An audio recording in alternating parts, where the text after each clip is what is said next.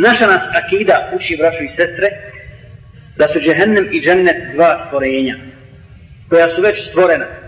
I Allah nam je opisao kaznu džehennemsku i poslanik sallallahu alaihi sallam se obavijestio da je vidio džehennem. Kaže imam Tahavi u svojoj poznatoj knjizi, dakle Tahavijska akida ili Tahavina akida, Al džennetu van naru mahlukatan. Džennet i nar, odnosno džennet i vatra, su dva stvorenja. La tefne jani abeda. Neće nestati nikada. Dakle, oni su, oni su zauvijek. I ovo je dio, dakle, akide ehli sunnata vel džemata, zato što ima ovo napominjemo zbog toga što ima oni koji smatraju, koji kažu da će se džehennem jednog dana ugasiti. Dakle, kada džehennem je dovoljno odgore zbog svojih grijeha, da će ostati samo jedna crna rupa od džehennema neće ne, i on će ostati i postati prazan. Allah je stvorio džennet i džehennem prije svih stvorenja i njihove stanovnike. Dakle, odredio stanovnike za džennet i džehennem. I ko bude u džennetu, ko uđe u džennet, ući će Allahovom dobrotom i milošću. Ako bude u džehennemu, to je Allahova, Allahova pravednost. Dakle, svako od nas, vidimo kad budemo govorili o kada i kaderu, šta to znači. Svako od nas, dakle, ide tom, sta, ide tom stazom e, i radi za ono zašto mu je već pripremljeno mjesto.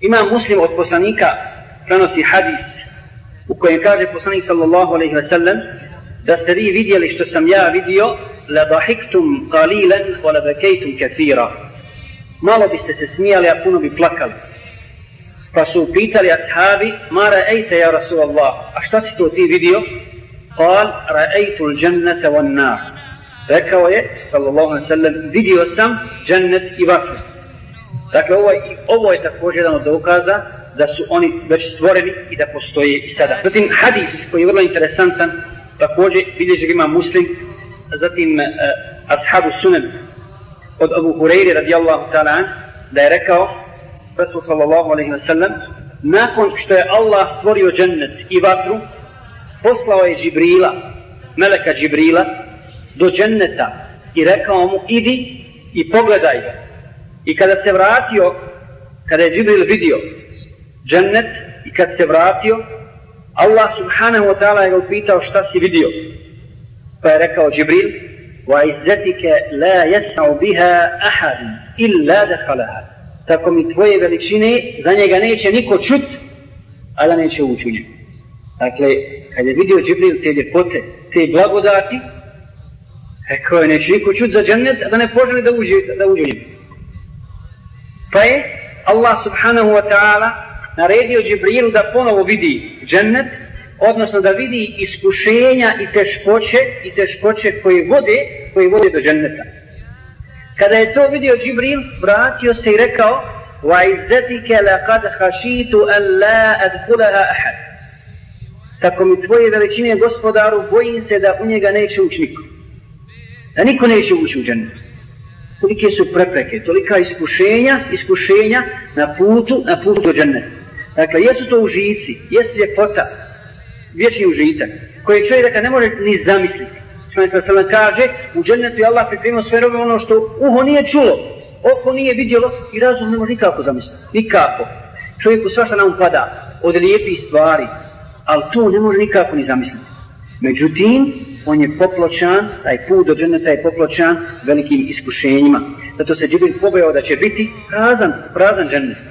Zatim ga Allah je poslao do džehennema da vidi ono što je Allah pripremio od kazne za njegove stanovnike. Kada je došao do njega, vidio je Džibril da dijelovi džehennema jedan drugog jedu od silne žestine. Kad se vratio, rekao je Allah subhanahu wa ta'ala وعزتك لا يدخلها أحد من سمع بها Gospodar moj, tako mi tvoje veličine i uzvišenosti, u njega neće niko ući, kogo čuje za njega. Kogo čuje za tu kaznu, za tu patnju u džehennemu, neće niko ući u džehennemu. Međutim, kada je vidio, ponovo je otišao, pa je vidio put do džehennema, kako je popločan strastima i slastima, rekao je wa izzetike laqad khashitu an la yanju minha ahad tako mi tvoje veličine gospodaru bojim se da od njega neće biti spašen niko Niko, da će svi ljudi ući u džehennem. Dakle, ovo je također dokaz da džennet i džehennem postoje i dokaz kako se stiže do jednog, a kako, kako do drugog. Dakle, put do dženneta nije nimalo lahak, zahtijeva veliko odricanje, rad, trud, a put do vatre lahak, osam traka, široko, samo idu. Ali na kraju ćeš sigurno stići i doći do provalije. I taj put slijede oni koji slijede svoju strast, koji ne žele nikakva iskušenja na Dunjaluku i koji, koji su pustili, pustili svojim strastima da ih one vode kako hoće. Tome se također hadis kod muslima od Ebu Sejda al-Hudrija da je rekao Resul sallallahu alaihi ve sellem kada stanovnici dženneta uđu u džennet a stanovnici džehennema uđu u džehennem i nakon što griješnici muvahidi, oni koji su obožavali Allaha, dakle vjerovali u Allaha, ali su bili griješnici, nisu ibade činili ili su upadali u neke harame, neke harame, kada iziđu iz vatre, odgore svoje, bit će dovedena smrt koja će biti u liku rogatog ovna i bit će zaklana između dženneta i džehennema, pa će biti rečeno, ja ahlal dženne, hal la'rifune hada, o stanovnici dženeta, znate li šta je ovo? Svi će odgovoriti, znamo, hada maut, ovo je smrt. Dakle, iako će vidite mudrosti u ovom hadisu, iako, iako dakle, će biti dovedena smrt u liku ovna, prepoznat će je. Pa će biti upitani stanovnici džehennema isto, hel ta'rifune hada, znate li šta je ovo? Reći će, znamo, to je smrt, to je smrt. Pa će biti rečeno, ja ahlal dženneti, huludun fala maut. O stanovnici dženneta, vječnost. Vječno je, vječan je ostanak u džennetu. Nema smrti, nema umiranja. O ja ahlan nar, huludun fala maut. O stanovnici vatre, vječan vam je boravak u vatri, nema smrti. Nema smrti. Pa je proučio Resul sallallahu alaihi wa sallam وَأَنْذِرُهُمْ يَوْمَ الْحَسْرَةِ إِذَا قُضِيَ الْأَمْرَ فَهُمْ فِي غَفْلَةٍ وَهُمْ لَا يُؤْمِنُونَ i upozori ih na dan tuge kad će biti spolaganje računa završeno, a oni su ravnodušni bili i nisu, i nisu vjerovali. I dakle, i ovo je jedan nizu dokaza da su džennet i džehennem vječni i da neće nestati.